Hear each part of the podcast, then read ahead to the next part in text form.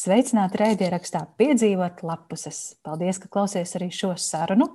Un vai tu esi gatavs pasēdēt uz grāmatu kauča divāniņa? Laiks grāmatu koča sarunai.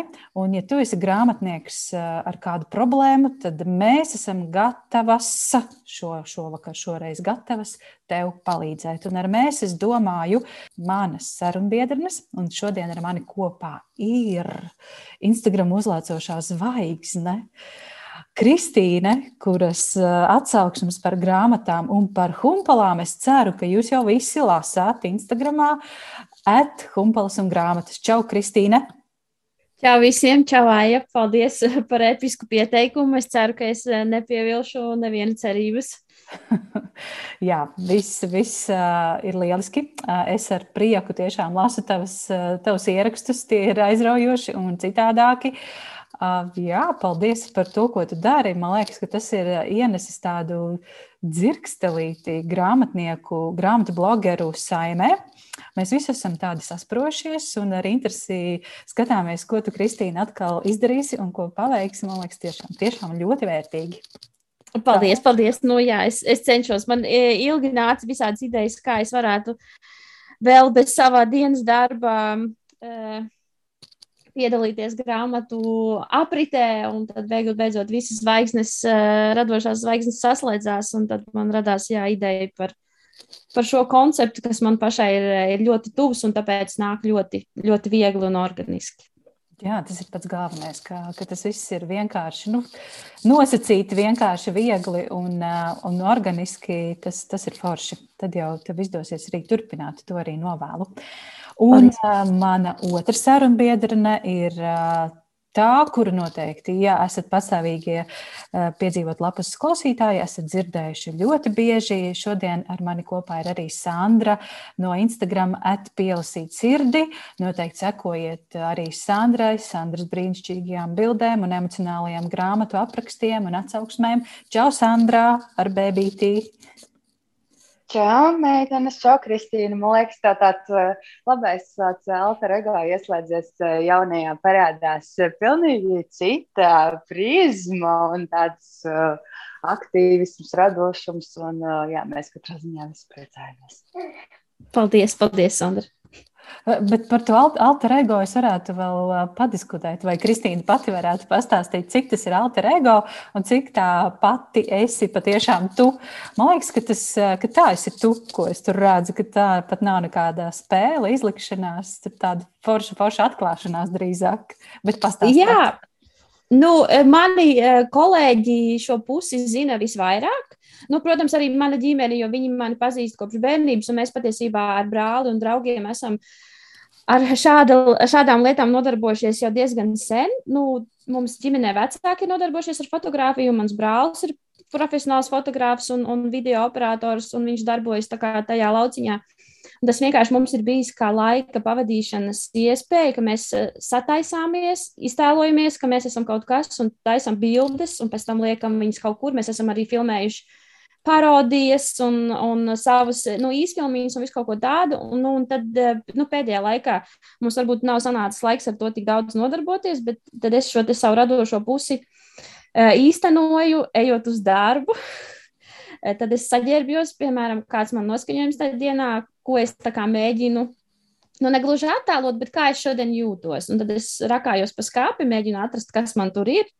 Un, eh, un tad uztaisnu, tad atnāk uz darbu, tad gaidu komentārus no kolēģiem, nu, kas tad nu šodien būs. Jo viņas vienmēr smējās, ka man ir ārkārtīgi liels skats. Man ir ārkārtīgi liels skats, man ļoti patīk staigāt pa humpulām, bet man šķiet, ka tur arī um, parādās tā cilvēku. Lasošu cilvēku vēlme atrast vienmēr kaut ko īpašu, meklēt tās pērles, ka tas ir tieši tas pats par grāmatām, tas pats arī par drēbēm. Tu novērtē labu, īstu lietu, kuru tu zini, tāpat kā laba grāmata, tu viņu vienmēr var pārlasīt. Tev kalpos ilgi, tu vari iedot kādam citam. Tā ir investīcija visam tavam mūžam. Un uh, es teiktu, jā, tā es esmu uh, tajās bildēs un, un, un visās tajās grāmatās, tā esmu es. Man, diemžēl, jāsaka, ka ne visas grāmatas, kuras tur parādās, varbūt es esmu izlasījusi vai izlasījusi līdz galam, bet tas ir vairāk par tiešām šo piedalīšanos uh, diskusijā par grāmatām, par pērļu izcelšanu, par interesantāku ikdienu un, un par pievērst, pievēršanos sev.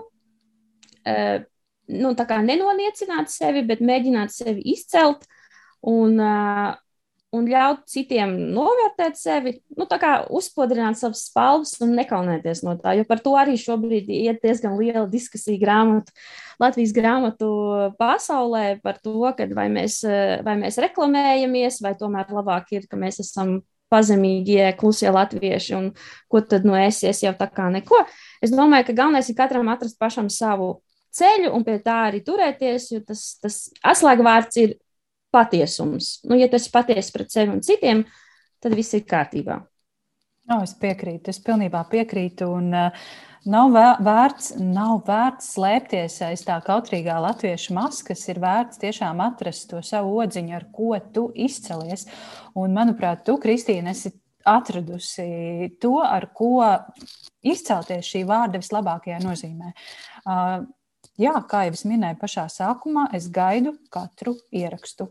Tavas bildes, tavu asprātību, to, kā tu runā par grāmatām, to tiešām ir vērts lasīt un, un piedzīvot.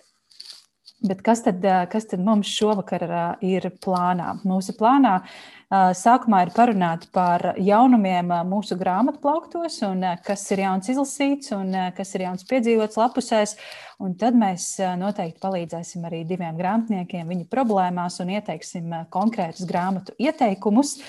Bet ar, par, par visu pēc kārtas jautājums numur viens kas ir pats jaunākais jūsu grāmatu plauktos, Sandra un Kristīne, kas ir tikko varbūt iegādāts vai paņemts no bibliotēkas pats pats svaigākais, pats pats karstākais. Es vakar nopirku jauno kiku miku. Pa ceļam uz mājām, autobusā paspēju izlasīt, un es esmu priecīga un laimīga. Man neko vairs nevajag.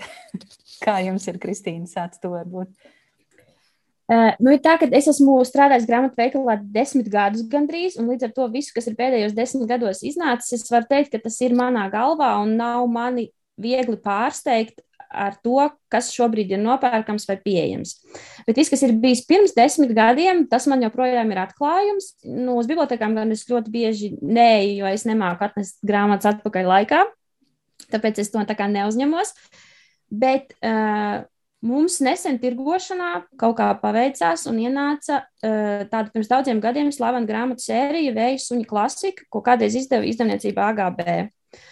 Un tur tajā sērijā bija ļoti daudz nu, pasaulē ārkārtīgi slavenu, tādas smagās, nopietnās literatūras grāmatu. Nu, tad es esmu iegādājusies divas polosteru grāmatas.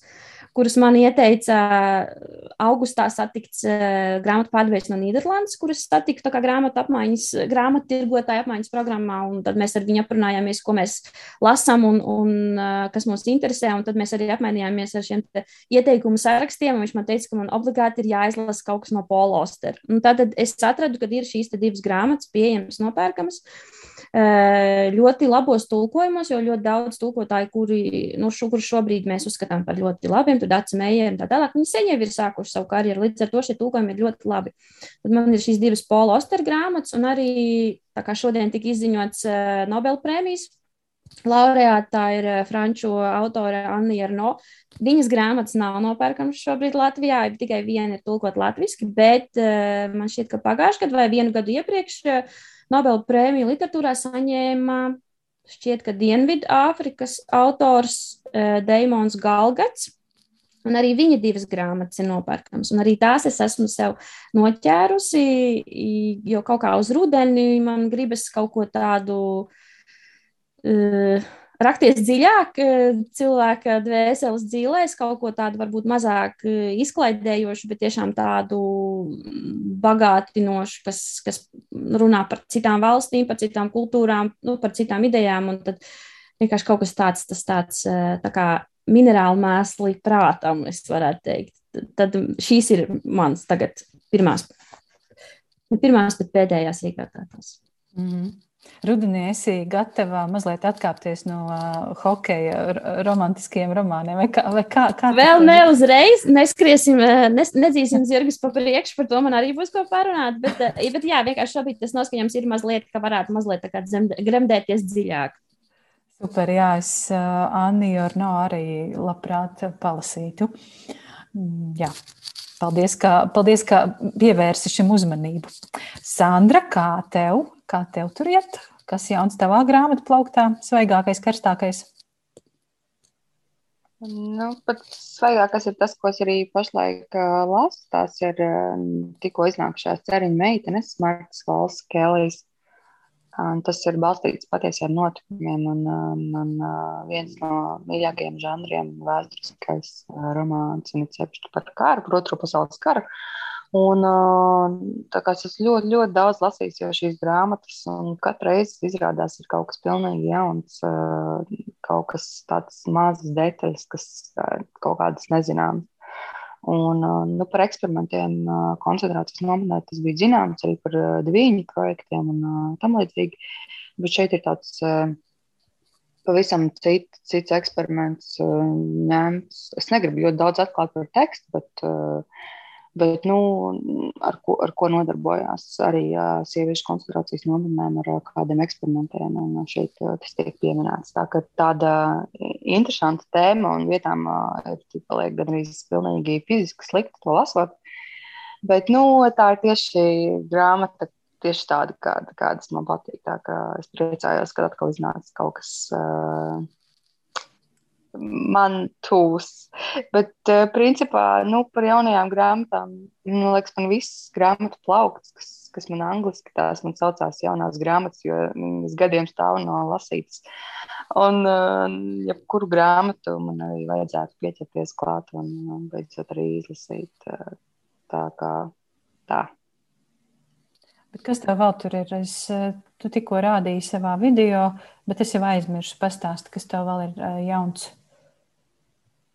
Tas viss ir jaunākās, eh, to, ko tu pati nesen eh, minēji. Um, Ukrāņu autors uh, Jāņa Rozē iznācis internāts, ko es arī tu, nu, tuvākajā laikā, tuvākajā nedēļā plānoju izlasīt.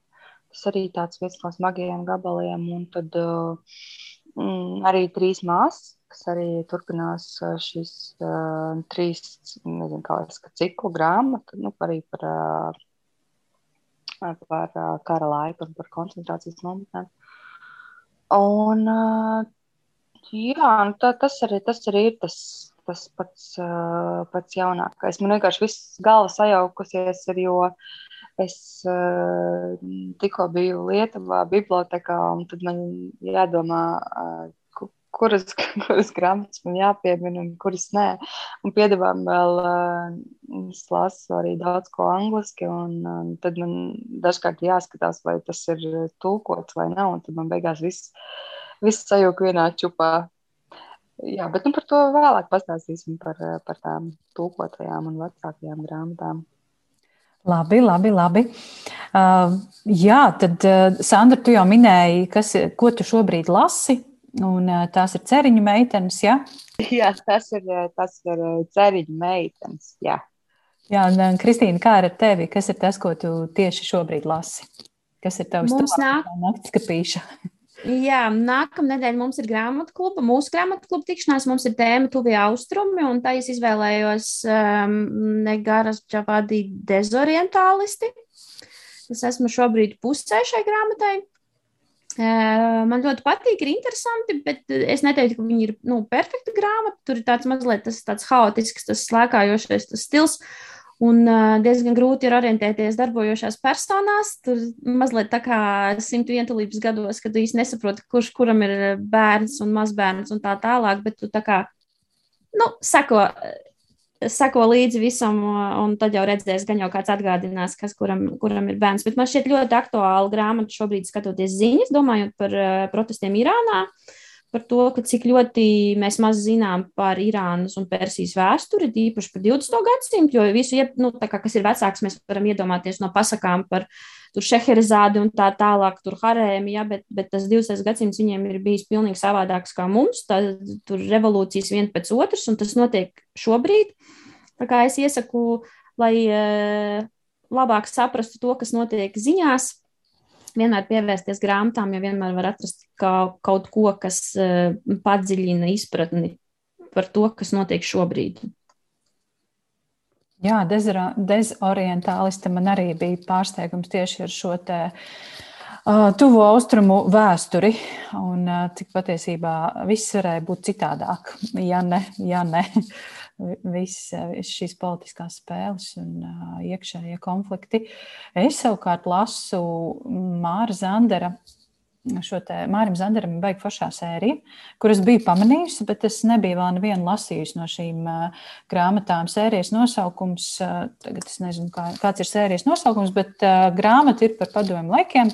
Tieši šī Jā, Latvijas vēstures mītnes un versijas ir sērijas nosaukums, bet es konkrēti lasu par padomu laikiem Latvijā. Un, un man patīk šī forma, kādā grāmata ir uzrakstīta, ka tā ir saruna.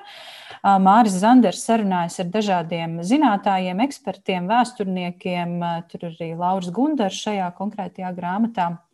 Es esmu izlasījis pirmo nodaļu un pēdējo nodaļu. Un pēdējā nodaļa ir par pārtiku un virtuvi un vispār jā, par, par ēdināšanu un ēdieniem padomu laikā. Tur tiek risināti tādi jautājumi, kāpēc padomu laikā celtajās mājās ir tik mazas virtuves, un tas izrādās viss bija ar domu, ar domu, ka sievietēm, lai sievietes pēc iespējas mazāk laika tur pavadītu, un viņas jā, nevis dzīvotos pa virtuvi, ar visu savu ģimeni, bet dotos būvēt komunismu un strādātu fabrikās, nevis virtuvē. Un eh, ar tādu pašu domu eh, radās ļoti izteikti daudz pusfabrikātu šajā laikā. Tapa, piemēram, majonēze, un tad radās mīts, ka majonēze ir tik sarežģīts, sarežģīti pagatavojama mērce, ka tas pat eh, tā neizdodas pat lielākajiem, labākajiem pavāriem. Tāpēc lūdzu jums gatavā majonēze, izmantojiet to.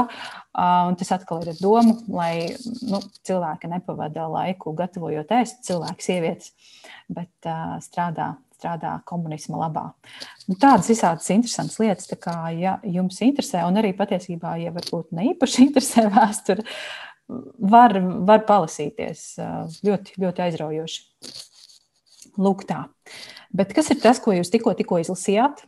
Kas ir tas, ko jūs tikko nolikāt nost, vai atdevāt, vai pārdevāt, vai, vai jau aizmirsāt, varbūt. Jā, kas ir pēdējā izlasītā grāmata jūsu gudrībā? Es mazliet pakrāpšos, jo nu, es vienmēr domāju par, par kontekstu arī, nu, ko, citiem, ko citiem būtu interesanti nu, klausīties. Un, un, laikam, teikšu tā, ka pēdējā, kuras esmu izlasījis, bet par kuru es vēl neesmu atstājis gudrīdos atsauksmi. Ja mums grāmatu klubā ir tā, ka tuvojas uh, grāmatu klubs, tad tu skaties gudrīdos, iebirst recenzijas viena pēc otras, un tad tu visas, visas esi izlasījis, un pēc tam nav interesanti klausīties, ko cilvēki dzīvē stāsta, jo tu jau visu zini. Mēs par to vienreiz runājām, un tad mēs tā kā izdomājām, ka, hei, būtu forši nerakstītās recenzijas pirms tikšanās, un tad tikai sarakstīt pēc tam. Un tāpēc es eh, arī mazliet to savu izlasītās grāmatas recenziju atsauksmi taupu eh, līdz brīdim, kad es varēšu publicēt atkal Humpalu kontā bildi. Un tad mēs atgriežamies atkal pie hokeja, jo beidzot es esmu izlasījusi, atradusi ideālo sporta romantisko grāmatu, kurā viss ir eh, labā balansā. Uh, Tā grāmatas nosaukums ir Icebreaker. Autori ir Hanna Grace. Mm, Latvijā fiziski iespējams viņu nav nopirkt. Eh, es viņu lasīju Amazonē, netīšām uzgāju Instagram un TikTokā, un tagad TikTokā es šo grāmatu redzu arvien vairāk. Un, vien, la, jūsu klausītāji, kuri varbūt skatās TikTok grāmatu, jau būs redzējuši ļoti tāds nevainīgs vāks, uz kura stāv uh, uh, hokejists uzzīmēts, un viņam blakus meitene daislidotāja. Liekas, kaut kāds tāds jauks skolas uh, stāstīns. Bet tur tā tad ir romantiskais stāsts par hokeja spēlētāju un uh, meiteni, kurā slido daislidošanā, un, un, un tad tur, protams, visādas dzirkstis uzšķīstas, un, un jo viņi viens otram nepatīk. Un, uh, un tā tālāk, bet uh, grāmata ir vienkārši perfekti uzrakstīta, jo tur ir uh, visas, visi emocionālie punkti, viss, nu, tu lasi, un tev varoņš šķiet ļoti īsti dzīve meitene, kas nodarbojas ar sportu, kur ir ļoti, ļoti ambicioza, kur uh, ir viss saplānots pa punktiņiem. Uh, Un puisis arī, nu, negluži tāds, bet, bet diezgan līdzīgs. Viņš ir komandas kapteinis, un tas ir forši uzrakstīts, kā viņš, eh, viņi tur ar komandas biedriem dzīvo vienā mājā, jo viņi visi vēl ir studenti. Un, un kā viņš tur rūpējas par visu biedru emocionālo veselību, un viņš kā kapteinis visur iet pa priekšu un tā tālāk. Tad viss ir ļoti nu, ticami.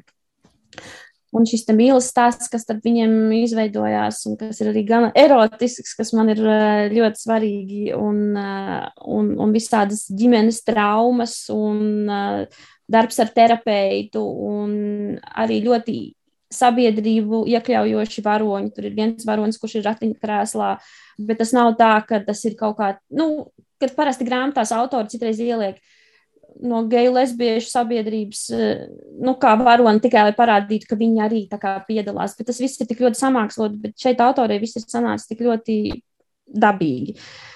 Un uh, es esmu centusies šo grāmatu pasūtīt, lai viņi būtu pārdodami veikalos, jo es zinu, ka viņi būs populāri, bet lieta tāda ar daudzām grāmatām, kas kļūst populāras TikTokā, ir tas, ka viņas ir pašas izdotas, Un tas ir savādāk nekā, ka viņas ir nu, Latvijā pašas dodas tādā kontekstā, bet eh, tātad viņas nav zem kādas lielas izdevniecības un viņas nav zem lieliem izplatītājiem, no kuriem mēs varam kaut ko pasūtīt. Un līdz ar to, ja mēs kādu no šiem ļoti populāriem nosaukumiem gribētu veiklā pārdot, viņš maksātu, teiksim, 30 eiro, kas, protams, nav, nu, nav pamāciņam.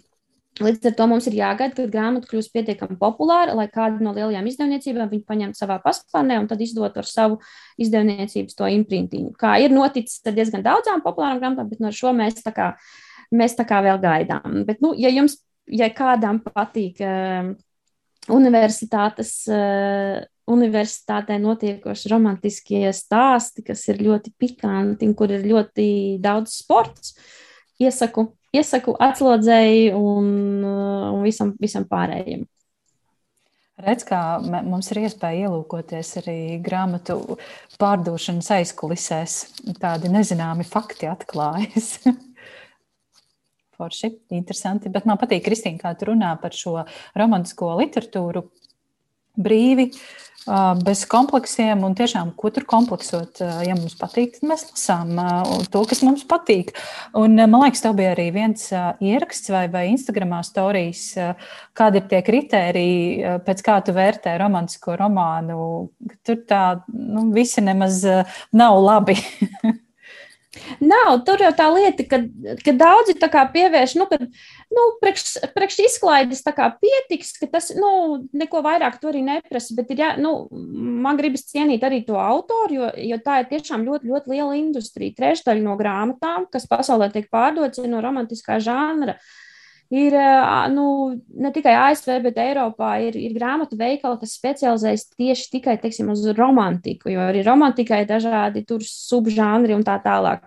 Un tas ir diezgan ir lieli riteņi, uz kuriem rulē visa grāmatu industrija. Jo, jo, jo, protams, ja Nu, arī te Latvijā lielām izdevniecībām mēs zinām, ka ir viens bestsellers, kas var nofinansēt pēc tam piecas mazāk populāras grāmatas, bet kuras nav, nav tāpēc uh, sliktākas vai mazāk nu, vērtīgas. Vienkārši viņas nav tik komerciāls. Un, lai mums būtu šī dažādība, mums ir jārēķinās ar to, ka ir kaut kas, kas pārdodas daudz, daudz, daudz vairāk. Un romantisko žanru tas ir tas, kas baro, baro bieži vien industriju. Un, uh, bet Tikai tāpēc, ka tas ir komerciāls, tas nenozīmē, ka tas ir sliktas kvalitātes vai, vai ka to ir ļoti viegli izdarīt. Jo, jo parasti jau romantiskā žanrā tā schēma ir viena.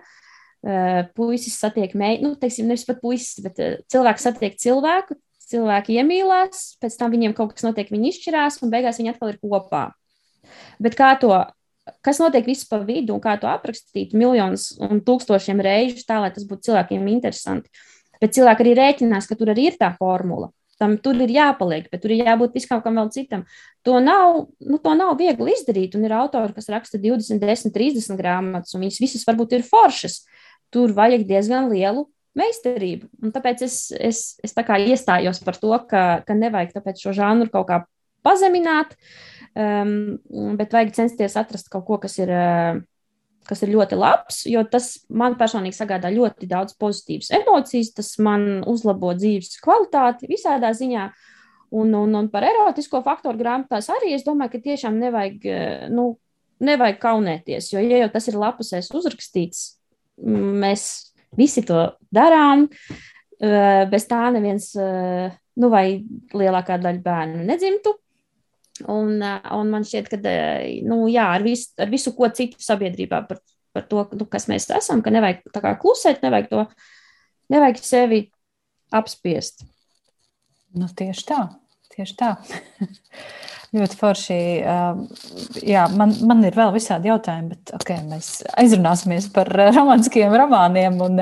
Es gribu dzirdēt arī, ko Sandra ir izlasījusi tikko. tikko. Pastāst, Sandra, kas ir tava pēdējā izlasītā grāmata, ar kuru tu vēlēsies padalīties ar klausītājiem?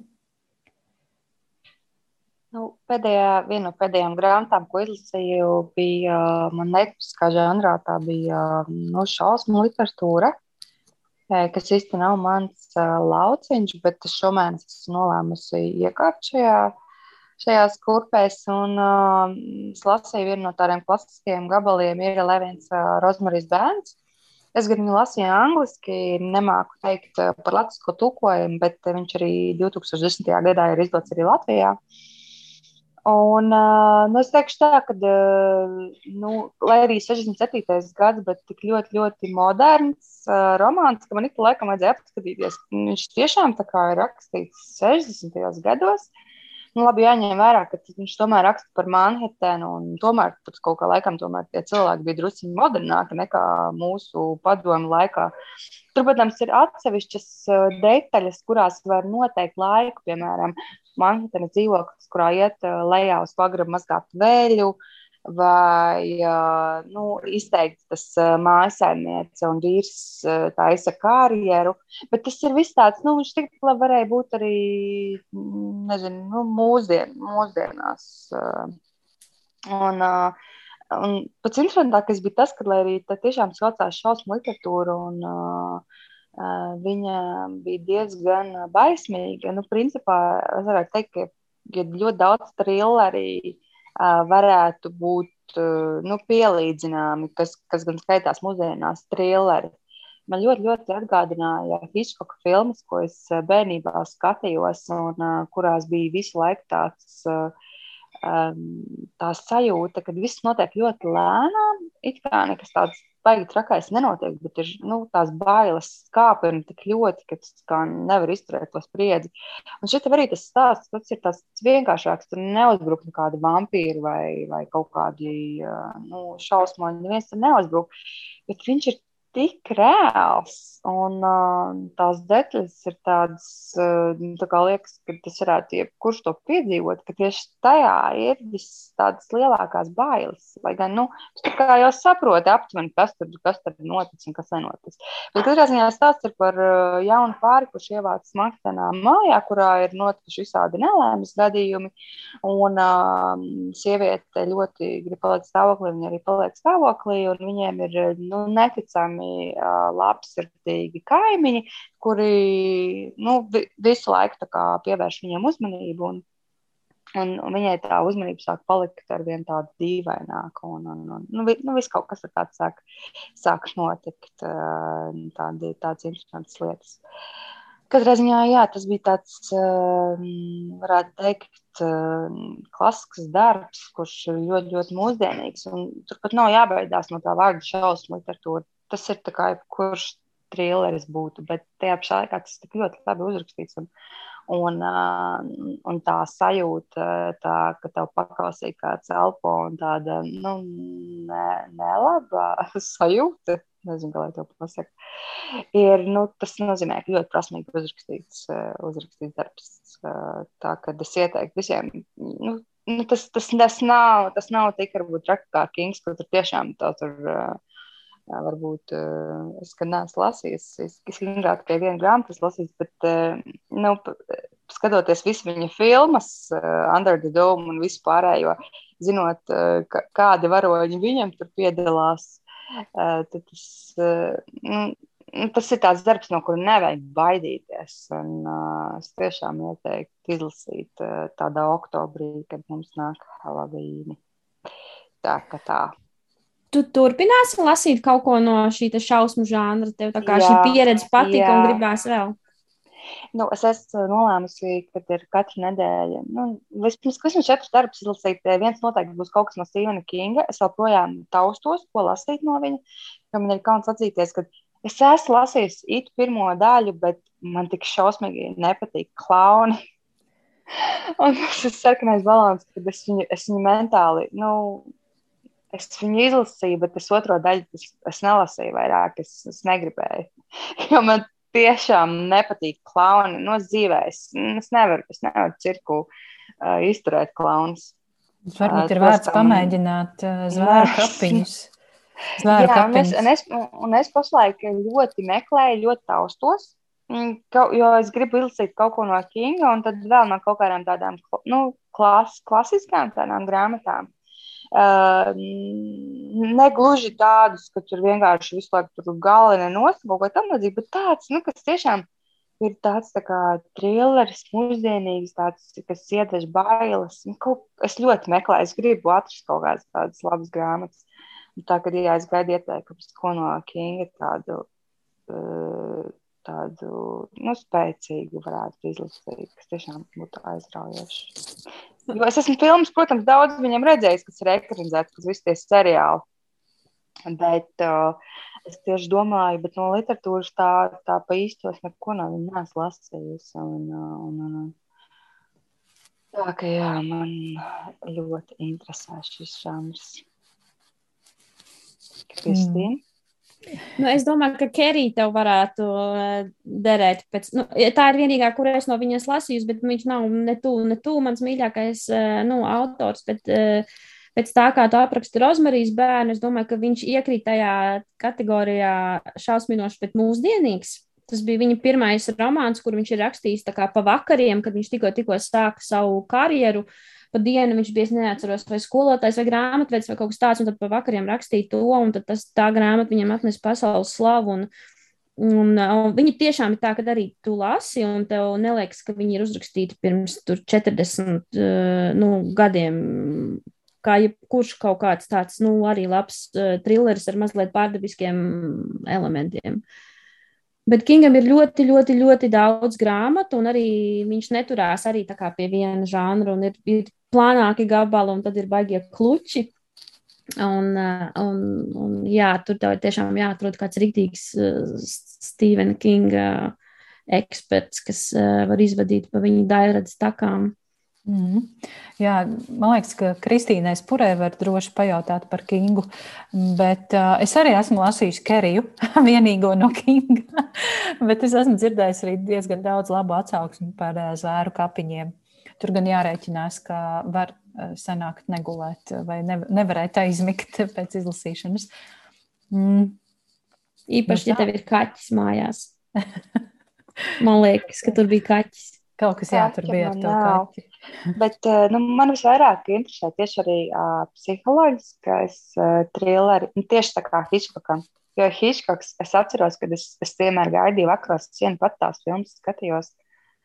Es nezinu, kāpēc likam slepus skaties, bet man tik ļoti patika tas, tas, tas twista moments, tas pārsteidzošais. Tas bija vienkārši, tas bija, domāju, ārprāts, nu kā tik fantastiski var izdomāt, jo tajā laikā jau nebija tādu trilleru literatūru, nu, kaut kādās bibliotekās pieejama, kaut kas tamlīdzīgs. Un, tad, un uh, pirms tam bija īrētās uh, krievu tulkotās tās bojeviku filmas, uh, Un tad bija tas Hitchcocks, kas nāca ar tādiem nu, pilnīgi tvistiem. Es, es vienkārši, nu, jā, man ļoti, ļoti patika. Un, tāpēc es tieši nu, domāju, ka vajadzētu sameklēt kaut ko tieši tādu. Um, kas mums vienkārši tā biedē, nu, tā kā, teiksim, kliedziens vai zāģis, nu, kad filmas skaties vienkārši ar to savu šausmu, ka tur tagad nāk un zāģē. Nu, to jau, principā, jebkurš skandināvu uh, krimināla romāns eh, šo jomu pārstāv. Bet kaut kas tieši tāds, kas tev vienkārši aizlienais ādas. Bet kāpēc man stāv prātā, ka Hitchcockam ir stāstu grāmata? Es nezinu, kuras, kurā sarunā man kāds šo ir stāstījis, vai, vai es kaut ko esmu izdomājusi, bet ir vērts pameklēt, vai viņš pats kaut ko nav rakstījis. Varbūt. Tur bija tas Par psiho man liekas, ka bija stāsts, ka viņš bija, no, viņš bija izlasījis grāmatu, viņam tā likās nu, fantastiska ideja, un, un viņš gribēja viņu ekranizēt, un viņš izpirka visas fiziskās kopijas, kas bija bezmaz vai valstī, lai vienkārši neviens nebūtu to grāmatu lasījis, lai neviens nezinātu, kas tur beigās notiek. Wow! wow. Bet vai viņš pats rakstīja, varbūt, kad arī rakstīja. Nu jā, tā kā Sandra ir vērts pameklēt, varbūt, varbūt ka tomēr kaut kas atrodas. Vai nu viņš rakstīja, vai par viņu bija kaut kāda interesanta grāmata. Nu, katrā ziņā, jā. Par viņu noteikti bija. Par viņu noteikti, viņu. bet jā, ir vērts paskatīties. Un noteikti pamēģini to, to Kingu un zvēru kapiņus. Man liekas, ka tev varētu patikt tieši, tieši tā sajūta, ka aizlienai zādas. Labi, apvienojot šīs abas tēmas, romantiskie romāni un šausmīgi romāni, mana pēdējā izlasītā grāmata ir piedodiet, Lijas brīdi, kas liktenīgie krustojumi, kas um, atbilst abām tēmām, jo tas bija romantiskais romāns, kas bija vienkārši šausmīgs. Es, protams, visu cieņu autorai, kas nu jau vairs nav starp dzīvajām un ir nodzīvojusi cienīgu, garu, bagātīgu, radošu mūžu. Tomēr jā, ir romantiskie romāni, ir dāma romāni un ir veco dāmu romāni. Un šis bija tas trešais variants. Ja jums neinteresē, nelasiet, ja jums varbūt ir māma vai vecmāmiņa, kura gribētu palasīt kaut ko vieglu, romantisku, iesaku Lijas brīdi, kas liktenīgos krustojumus, bet jā, tas nebija mans. Bet ko mēs iesakām izlasīt? Ko, ko Kristīna, tu noteikti iesaki izlasīt no sevis, kas ir tā grāmata, par kuru tu gribētu visiem, visiem pastāstīt, izkliegt, cik tā ir lieliska? Mm. Uh, nu, es šo grāmatu esmu izlasīju, nu, izlasīju jau pirms dažiem gadiem angļu valodā, bet grāmata nu pat ir iznākusi latviešu izdevniecībā Aminori. Tā ir Eimora Tols grāmata Gentleman's Maskavā. Es saprotu, ka daudziem šobrīd varbūt virziens austrumos un kaut kas, kaut kas, kas ar Krieviju saistīts, varbūt nav īsti tas, ko viņi grib. Jo arī tādas es esmu dzirdējis ļoti daudz viedokļus, un, un Twitterī jāskas diskusijas par to, ka tagad uh, mums pietiks bez Dostojevska un tā tālāk. Es to visu, nu, visu saprotu un, un visu pieņemu, un ja cilvēki tā jūtās, tas ir kārtībā, bet es negribētu, lai šī grāmata aiziet nebūtībā un kāds varbūt viņai pārskan pāri šī iemesla dēļ, bet darbība notiek eh, pagājušā gadsimta 20. un 30. gados Maskavā. Un viņi parāda to sadursmi starp šo garīgo cilvēku un starp to padomju nu, gaļas mašīnu un to pragmatismu. Starp to, ka, ka kā cilvēks eh, var sapņot nu, par kaut kādām augstākām lietām, viņš var būt eh, pieklājīgs un interesēties par mākslu un kultūru un uh, uzturēt civilas nu, attiecības ar cilvēkiem. Nu, viss, ko mēs iedomājamies, kas ir džentlmenis, ir īpaši tāds, kurš ir nācis no vienalga kuras valsts aristokrātu aprindām. Nu, tur ir šis grāfs. Kurš ir šāds perfektais džentlmenis. Un, uh, protams, valstī sākas atkal nu, revolūciju, un, un visus aristokrātus gāž no troņiem. Un, uh, Un uh, viņš arī nonāk uh, tiesas priekšā par to, ka viņš ir no šīs augst, au, augstzimu, ka viņš ir augstzimušais cilvēks. Un, uh, un tad, nu, protams, pēc visiem padomju standartiem nu, viņam pienāks sots, bet tā kā viņš ir kaut kad uzrakstījis dzējoli, kas slavina šķiru cīņas un tā tālāk, tad viņam tā kā piešoja, nu, ka mazliet, mazliet tādu mīkstāku to sodu dod un viņam piespriež mūža ieslodzījumu vienā ļoti, ļoti uh, skaistā viesnīcā Metropola, kas atrodas Maskavas centrā. Un, un tad, nu, grāmatas uh, gaitā mēs redzam šo te par to, kā viņš šāds cilvēks, ka viņš it kā ir iesprostots tajā zelta būrītī, it kā tajā savā ideālajā vidē, bet viņam ir liektas visas tās brīvības, pie kurām viņš ir pieradis. Un, un, protams, katrs gads nāk ar pārmaiņām uh, viņa dzīvē, un, un tad tur citi personāļi iesaistās. Tā, bet tieši Nu, es iesaku šo grāmatu tiešām skatoties, arī domājot par to, ka mēs arī skatāmies uz austrumiem un saucam krievus citreiz par orkiem un tā tālāk. Tad, tur pilnīgi, nu, kad ir cilvēki, kam ir dvēsele un ir cilvēki, kas šo dvēseli liekas, ir zaudējuši. Tad šī grāmata to lieliski parāda un varbūt katru no mums vēl iedvesmo padomāt pie sevis, kas mūs tomēr padara par vairāk cilvēkiem nekā mazāk cilvēkiem. Un tā kā es visiem, visiem iesaku lasīt šo grāmatu, jo grāmatu var lasīt arī vienkārši kā labu vēsturisku romānu. Protams, tur dažas lietas varbūt ir mazliet neticamas, bet, eh, bet tur ir burvīgi tēli, eh, viņi ir ļoti skaistā valodā uzrakstīti. Es ceru, ka arī tulkojums ir, ir, eh, ir tāds cienīgs. Um, es domāju, ka šī grāmata būtu laba dāvana un labi pavadīts laiks ļoti dažādiem lasītājiem. Jā, es, es noteikti lasīšu. Es jau gaidu, kad šī grāmata pie manis uh, atbrauks. Jā, noteikti ir manā lasāmo grāmatu sarakstā oktobrī. Ceru, ceru, ceru izlasīt. Sandra, tavs ieteikums? Jā, man, mans ieteikums ir katru mēnesi. Man liekas, jau mans ieteikums ir. Katra, visiem, liekas, ir dzirdējuši, ko, ko es katru mēnesi iesaku, tāpēc man tiešām negribas atkārtoties. Bet es varu ieteikt vienu no pēdējām, ko es esmu lasējusi, un tā noteikti ir interesanta man šķiet, jebkuram. Tā ir par Mārtiņu Rītņu, Lindas apses grāmata Deprofundis. Kāpēc man viņa patīk? Tāpēc, kad uh, zināju, ka Mārtiņš Rītņš ir tāds spilgta personība, bet uh, viņš ir tik liels hipijs un brīvdomātājs, un kad vispār viņam tā dzīve ir tik raiba, un, un uh, caur to viņa dzīvi un to raibumu viņš ir saticis tik daudz dažādus cilvēkus, un viņš ir tik milzīgs ekstraverts. Tiešām ekstraverts. Jo man liekas, ir, ir pilna pasaule ar introvertiem, kuri ir iemācījušies komunicēt, Piemēram, es esmu viens no tādiem cilvēkiem, kuru tiešām dzīve ir un universitāte ir iemācījusi komunicēt, bet esmu izteikts introverts. Bet viņš ir tik milzīgs ekstraverts, un man šķiet, viens no tādiem cilvēkiem, ko es ieraudzīju, nu, tas, to, tas, tas tiešām ir ekstraverts cilvēks. Cilvēku mīlestības, sabiedrības mīlestības.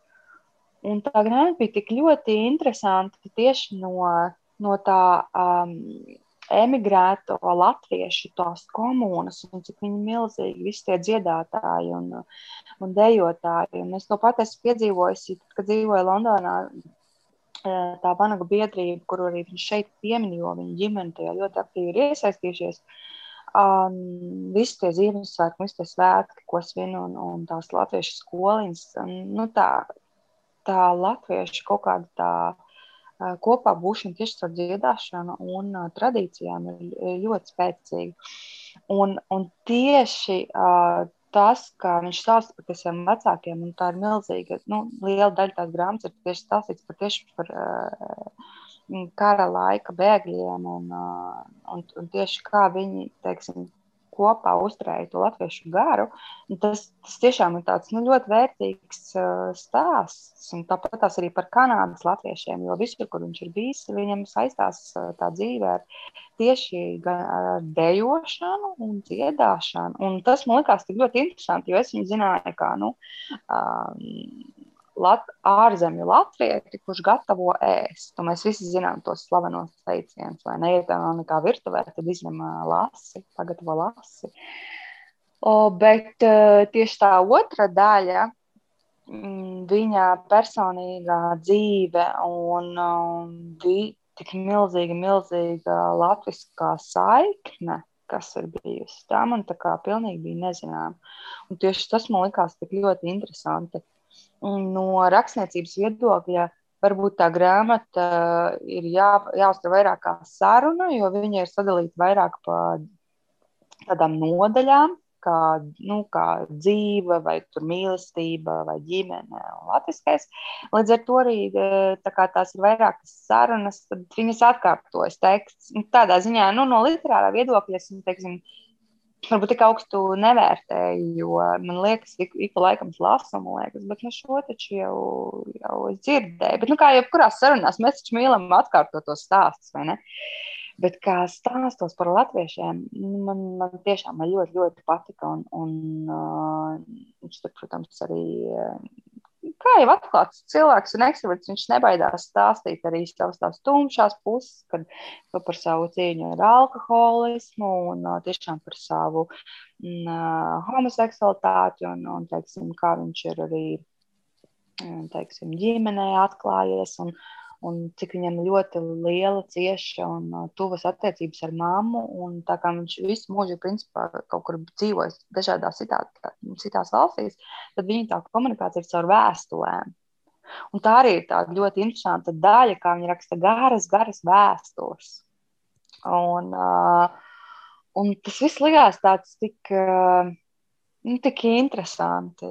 Uh, tas nav vienkārši kaut kāda dzeltenās uh, prespīles vai kaut kas tamlīdzīgs. Tas ir drīzāk tāds, uh, tāds tiešām aizraujošs, tāds uh, hi, nu, pēc dvēseles hipija dzīves stāsts, ko viņš ir piedzīvojis un, un cik viņam īstenībā tā Latvija ir uh, visu mūžu bijusi svarīga un nozīmīga. Un, uh, man šķiet, ka viņš kā ārzemēs dzīvojot to latvietību, ir izkopis daudz vairāk nekā nu, lielākā daļa Latvijā dzīvojošo. Jo, nu, nu, jā, nu es, es kādā ziņā ieteiktu izlasīt, jo tur tā emigrācijas uh, puse un tieši tā, tā latviešu kopienas ir tāds, uh, tāds, tāds ļoti izteikts vadmotīvs. Tā kā man, man tiešām bija, nu, es lasīju tā kā, tā kā neko nezinot, ļoti interesanti. Man, es neesmu pati lasījusi šo grāmatu, bet, manuprāt, ir vērts izlasīt, un arī to Sandra tu apstiprini. Tādā ziņā, ka Mārtiņš Rītiņš ir, man liekas, visu apziņā mazliet par karikatūru tapis ar visiem šiem teicieniem, ar visiem šiem raidījumiem, kuros viņš ir amizants un smieklīgs, bet šī grāmata šķiet atklāja kaut ko pavisam citu un mazliet dziļāk ļauj, ļauj ieskatīties personībā. Uh, kā jau daudzas grāmatas, tāpēc jau tās grāmatas ir tik vērtīgas, vai ne?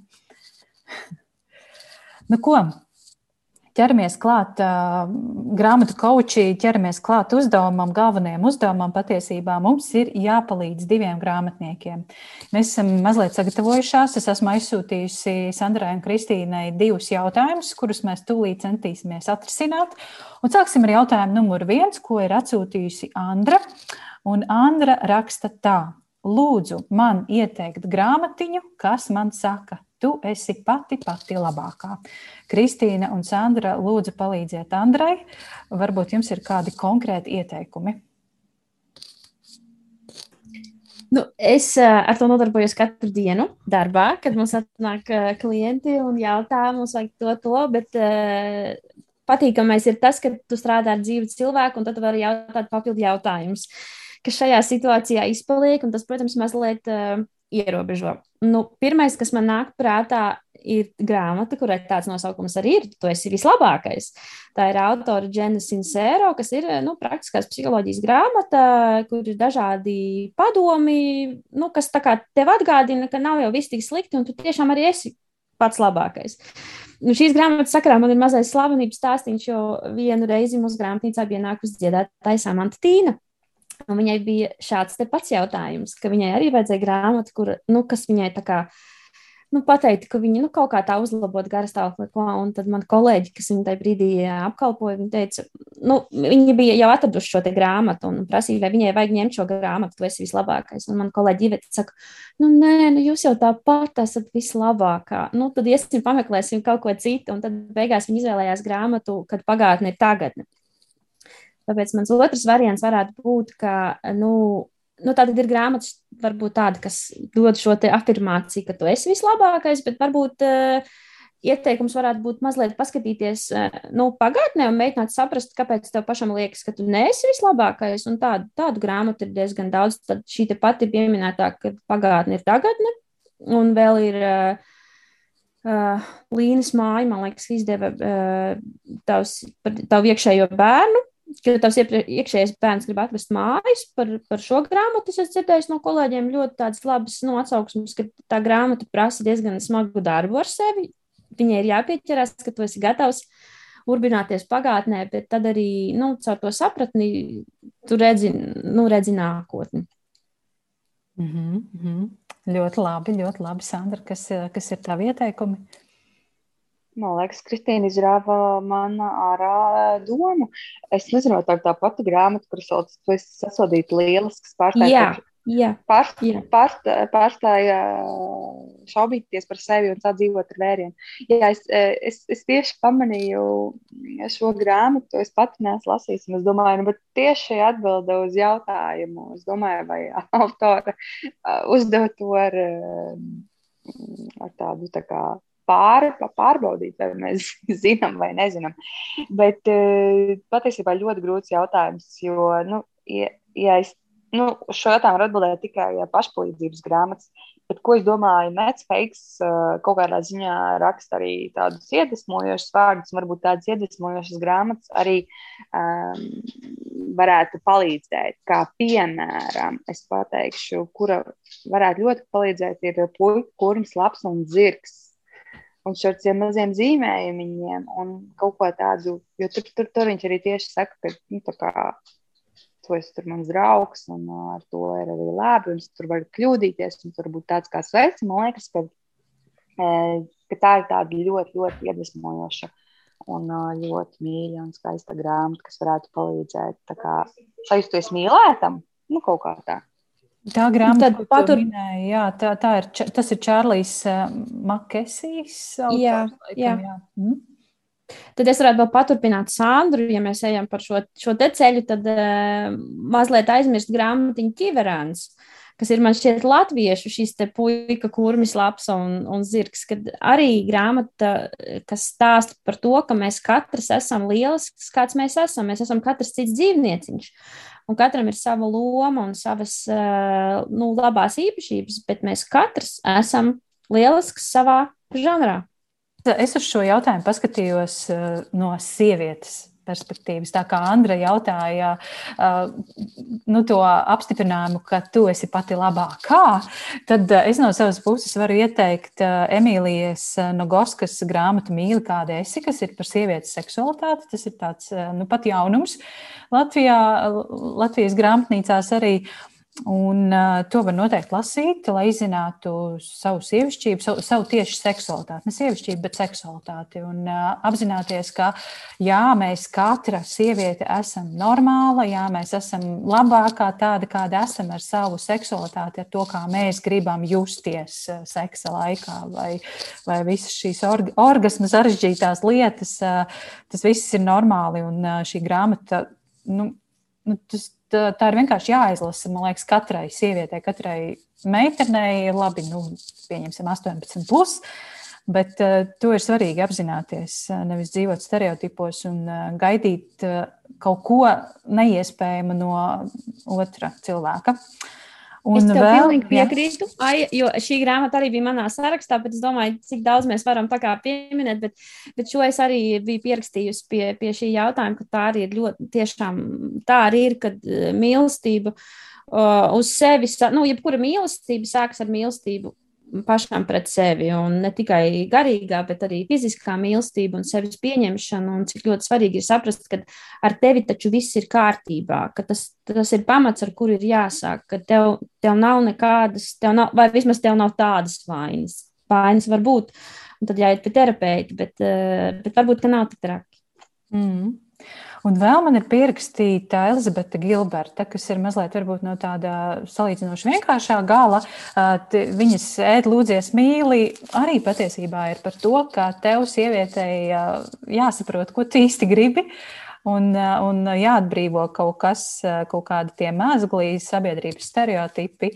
Nu, labi, mēs diez vai varēsim pavadīt mēnešiem laiku ceļojumos Itālijā, Indonēzijā, un kur viņi tur vēl Indijā bija. Uh, Bet jāsaprast, kas tad, kas tad mēs īsti esam, un tad jau tas labums atnāks pats no sevis.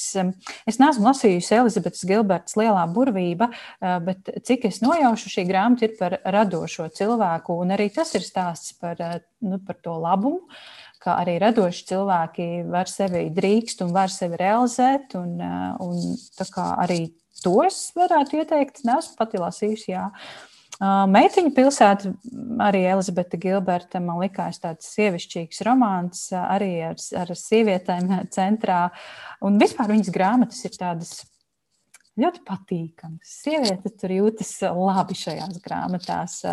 Tieši tāpat kā labi, kā sievietē, man liekas, justies Annas Gavaldas romāni un stāsti. Jo lasot Annu Gavaldu, īpaši viņas romantiskos romantiskos romānus, viņa neuzsver sievietes izskatu, viņa uzsver sievietes jūtas. Tas, tas ir man ļoti, man ļoti patīk lasīt šādus darbus. Tad es kā vienkārša Latvijas sieviete drīkstu, labi, nedrīkstu, bet spēju iedomāties sevi šajās situācijās. Es nespēju iedomāties Katrīnas Račko sižetos.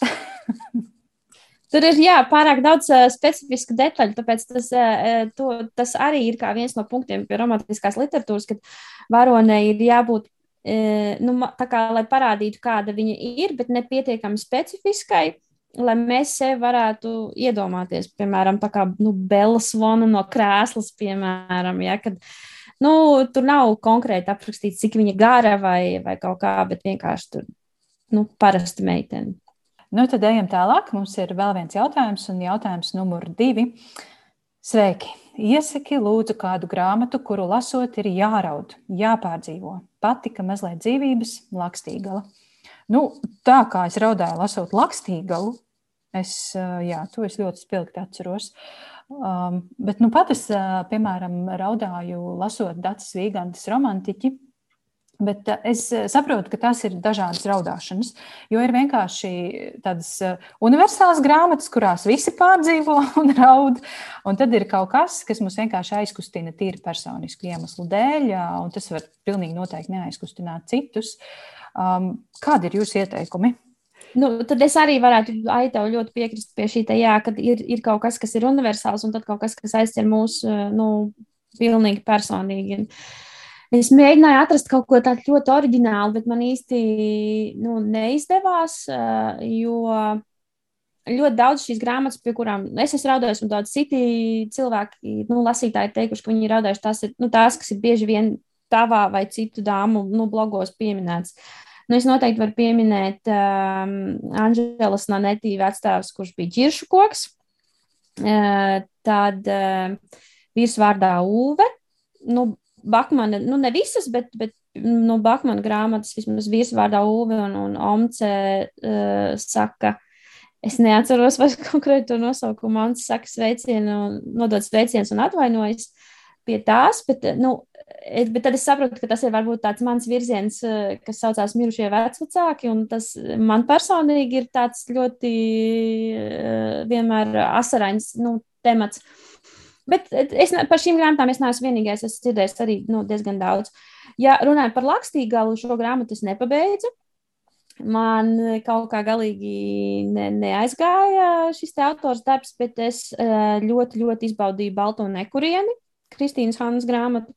Un, bet par šīm abām grāmatām man ir teorija tāda, ka, ja cilvēkiem patīk viena, viņam nepatiks otra. Tā es esmu dzirdējis no ļoti, ļoti daudziem klientiem un arī no kolēģiem, bet, bet Baltā nekuriena man ļoti patīk ar šo skarbo ģimenes stāstu par, par to, kā vecāki mūs ievelk savās avantūrās un cik ļoti bērni ir atkarīgi no tā, kādas ir vecāku attiecības. Un, un, um, un citreiz mums liekas, bet tie taču ir tikai bērni, viņi jau neko nesaprot, bet cilvēks saprot no ļoti agra vecuma visas tās nērtības, kuras viņiem ir jāpārdzīvo ģimenes dēļ, ģimenes dēļ un, un tāpēc šī grāmata man ļoti, ļoti, ļoti patika. Nu, un tad no latviešu literatūras varētu ieteikt svina garšu. Es nezinu, vai visi jau viņu izlasījuši un kādu laiku jau tā kā aizmirsuši, bet tas man šķiet arī bija tāds ļoti, ļoti emocionāls. Emocionāls stāsts, īpaši pati pēdējā lapus, kurā bija vispār neiespējami novaldīt, novaldīt asaras. Sandra, vai tev ir ko pievienot? Es klausos, ko tu saki par uh, Kristīnu Hānu, un uh, man starp citu stāv tieši Baltā nekuriena. Un uh, es jau kaut kādas nedēļas zinu, skatos, un tā kā, nu, ar tādu domu, vai es viņu gribu lasīt vai nē, jo visu laiku tās atsauksmes ir tādas tā kā diezgan skeptiskas, bet es, laikam, šo neesmu teikusi. Dažādas, ļoti dažādas. Neiz... Jā, bet es lakstīju līdz galam nespēju izlasīt, jo es viņu Man viņa neaizstāv. Lūk, tad tev, Sandra, obligāti ir jāizlasa Baltā nekurienē. Un šo laikam es neesmu teikusi, jo, jo, jā, jo es Kristīnas Hanas darbiem pēc skatos pilnīgi, nu, tagad, kad iznāk jaunais, man, man īsti neko nu, nenozīmē. Bet es teikšu godīgi, nu, laikam tā lakstīga jālas ir vēlreiz, jo Jo, ja jau es reizi viņu neizlasīju, tad jau varbūt es ne, neesmu devis kārtīgi iespēju. Tāpēc es darīšu tā. Es izlasīšu balto nekurienu, jo man ļoti, ļoti patīk uh, grāmatas par kalniem. Šeit ir par rāļas, kur nu, man patīk par sniegu, un uh, man patīk tās augstās grāmatas, ceļš ir kāds vēl sals nost un, uh, un badā mirst, tad, tad, tad, tas būs vispār ideāli. Uh, tas izlasīšu to, un ja man tiešām tā grāmata aizraus, tad es došu lakstīgai vēl vienu iespēju, jo uh, mm, es, es pat, man pat nav, nav salmiņu, kur pieķerties, lai es vispār kaut kādu viedokli par to pateiktu. Man mamma raud, raudādam teica, ka man viņa jālasa ir, bet uh, es viņu, es, nu, mm, man neaizgāja. Labi, bet ko es gribēju teikt par raudāšanas grāmatām? Nu, es esmu laikam raudāšanas speciālists, jo es uh, lasu grāmatas tieši, kuras ir pie kurām jāraud. Es nevaru teikt, vai es vispār esmu kaut kādā jēgā vispār objektīva ieteicēja, jo uh, es raudu pie grāmatām, kur uh, nu, citi neraud. Es pat neatceros, pie kuras grāmatas es neesmu raudājis. Es varu pateikt uh, vienu. Um, ir autori, pie kuras grāmatām es, es esmu divas izlasījusi. Nu, viņai nemaz nav tik daudz savu grāmatu, bet uh, es esmu raudājis, man šķiet visgaužāk. Nu, no vienas es trīs dienas nevarēju attiekt. Es vienkārši, es vecāks mēs rakstu, kad es nespēju paraudāt, jo es esmu satriekta. Nu, no pārdzīvoju no skumjām. Un tā ir uh, Macetīnija. Autora latviešu viņai ir tulkotā nekusties. Man ļoti patīk mīlestības stāsts, kuros ir vienkārši tā neiespējamā mīlestība, kur tu mīli tik ļoti, ka jūs nekad nespējat būt kopā un kad uh, ir, uh, nu, tur man gauži jāraut. Un tad nekusties ir viens no tādiem. Es, man šķiet, uh, tur sāku no pēdējām, nezinu, 10, 20 lapas pusēm, kā es raudāju. Es nevarēju palasīt, jo es vienkārši visu laiku raudāju. Uh, ārpēc tik, tik, tik skaista un tik laba grāmata. Un uh, otra grāmata ir Twice Born, es viņu lasīju angliski, un uh, tik šausmīgi smaga tēma, tā ir par Bosniju, Hercegovinu, par Bosniju un Hercegovinas, par genocīdu. Un uh, tur arī, protams, ir mīlestības, tāds, uh, nu, tāds uh, spēcīgais mīlestības stāsts, ka tā kā jūs esat kopā un nevarat būt kopā, un jūs tomēr mīlat viens otru. Un, un tā kā nu, nu tāds tā kā ejiet cauri ellē cauri, un uh, tā ir tik, tik laba grāmata. Bet es, bet es viņu tā nevienam neiesaku, tāpēc, ka es nezinu, cik daudz cilvēku var pavakt tik smagas grāmatas, jo tāpēc, ka tie, tas ir arī uh, tie reāli visi notikumi, kas notika, uh, tā Sarajevis aplenkšana un Es pēc tam skatījos visas bildes, uh, kas tieši tas pats, kas tagad Ukrajinā notiek, kā, kā cilvēki, kas pilsēta tika uh, nu, ierobežota un uh, viņiem vairs nebija neko ēst. Ne, ne, ne ūdens pieejams, un kā viņus tur apšaudīja, un kā viņi visi tur nomira. Un, tas, ir, tas tiešām no vienas puses ļoti vērtīgs stāsts no vēstures faktora, ko mums nu, no vēstures runās ir daudz ko nestāstīja. Tie bija 90. gadi, kad mums Latvijā, Latvijā Baltijā notika vispār cita atmoda un citas lietas. Līdz ar to mēs eh, par eh, to tik daudz eh, nerunājām. Un no otras puses, tas nu, Matstīnī tos mīlestības raksta tādas varenas skaistas. Un šeit ir vēl viena tēma ietērpta, kuras īsti negribu atklāt. Pie kāds tomēr uzdrošinās esmu lasīt. Tāda ļoti, ļoti sievietēm dažkārt sāpīga tēma, kas saistās ar bērniem. Bet es eh, nu, daudz tiešām negribu atklāt, jo tur tas sižets ir tāds ļoti daudz, daudz slāņains. Bet uh, no latviešu, latviešu grāmatām, protams, uh, pusauģu grāmata ir septiņas minūtes pēc pusnaktī, ko es, man liekas, es ieteiktu miljonus reižu un ieteikšu vēl joprojām. Es tur ļoti gauži raudāju. Patriks Ness man vienkārši aiznes kaut kādā vispār citā līmenī. Un, uh, Jā, nu, es laikam tiešām daudz, daudz raudu gan par bērnu grāmatām, gan vispārējo. Tā kā varat droši vērsties pie manis, ja jūs gribat paraudāt. Bet, nu, es saku, es neesmu objektīvi, jo, jo kādu tas var pavisam neaizskart. Un es zinu, ka citi nu, nelasa varbūt tik emocionāli tās grāmatas. Jo man ir tā, ja ir laba grāmata, tad viņa tiešām tik emocionāli aizkustināts, ka es. Uh, ka man apkārt, manā dzīvē vispār nekas nepastāvēs, kad tas tajā grāmatā un viss. Līdz ar to arī tās sāpes un pārdzīvojums būs eh, tā pa īsto. Nu, tā tad, ja ir vēl vēlme pēc uh, raudama grāmatām, tad droši var vērsties pie Sandras personiski. Sandrai noteikti ir garš saraksts iesakāms. Uh, Es vēl no savas puses varu ieteikt Aleksa Šūmana izdzīvojušie. Tas ir Jāņa Rožas izdevums. Un, nu, tur šī, šis mirklis beigās bija tāds, ka elpa izcērtas. Vismaz man tā bija. Un asaras vienkārši pašas no sevis jā, izsprāgst ārā. Uh, tie, kas lasījuši, tie, tie saprot. Es arī pievienojos Kristīnas ieteiktiem žanram mirušie vecvecāki ar Ulfu Stārku un proti Silpot Juhana un bēguļiem un vēl arī Igauņa autoras grāmatu skeleta Juhana Gaitas kas man, kas man arī sākumā sasmīdināja, bet saraudināja. Bet es pieņemu, ka tas droši vien nav īsti tas, ko, ko jautājumu uzdevēja grib lasīt.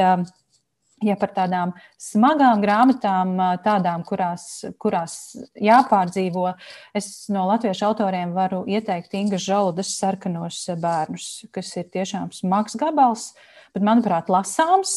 Nu, tā vienkāršam, vienkāršam ne, ne, nav labs vārds, bet lasītājam lasāms darbs, kur tiešām ir ļoti smagi. Mm, jā, bet tā ir grāmata, ko es varētu ieteikt izlasīt. Tālūk. Es ceru, ka abiem, abām, abiem, abām nezinu, kas uzdevā abus jautājumus, esam palīdzējušas.